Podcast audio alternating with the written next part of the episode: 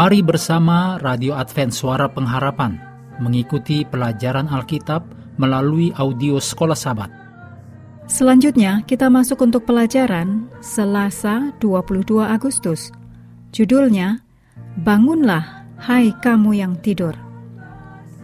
Mari kita mulai dengan doa singkat yang didasarkan pada Titus 2 ayat 12. Supaya kita hidup bijaksana, adil, dan beribadah di dalam dunia sekarang ini. Amin.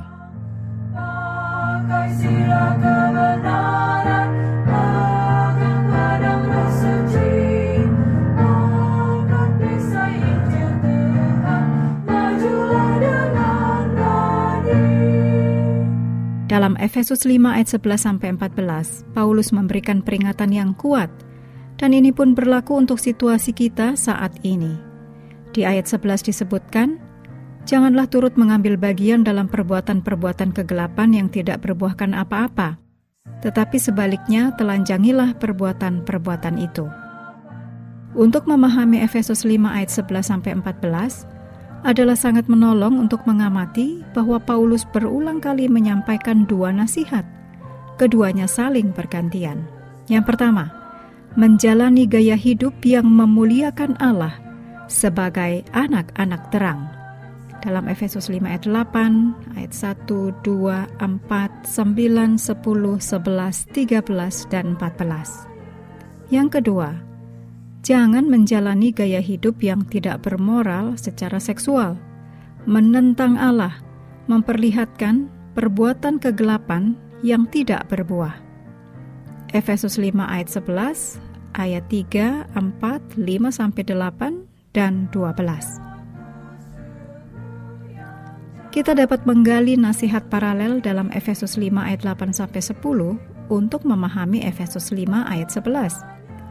Orang percaya harus hidup di hadapan orang yang tidak percaya sebagai terang di dalam Tuhan dan sebagai anak-anak terang dalam Efesus 5 ayat 8. Inti dari melakukannya adalah agar dapat dilihat untuk memperjelas bahwa terang hanya berbuahkan kebaikan dan keadilan dan kebenaran.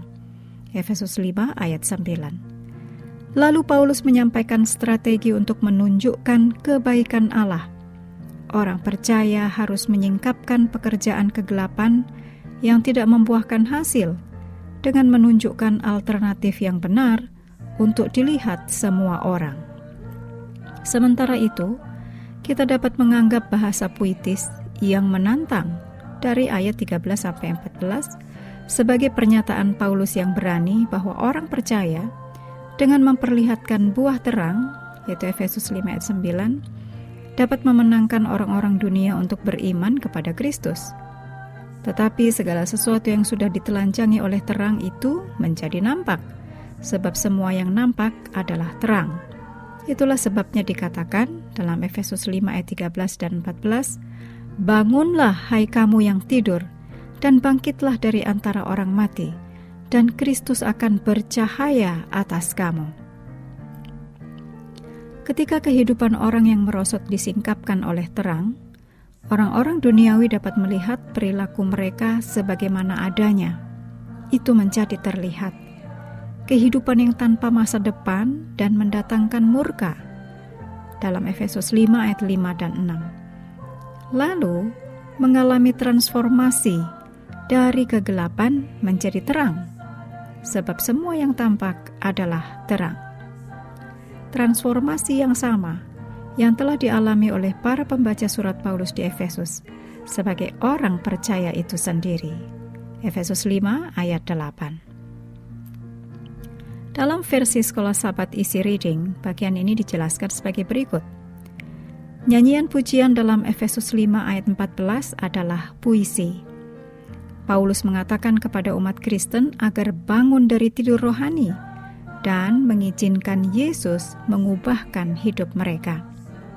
Ini juga mengingatkan kita kepada Yesaya 60 ayat 1 3 yang ditujukan kepada umat Allah Israel jika kita dapat melihat nyanyian pujian atau puisi dalam Efesus 5 ayat 14 adalah seruan yang kuat bagi orang-orang percaya Kristen untuk bangun, menyadari peran mereka sebagai misionaris yang memancarkan terang Kristus di dunia yang gelap.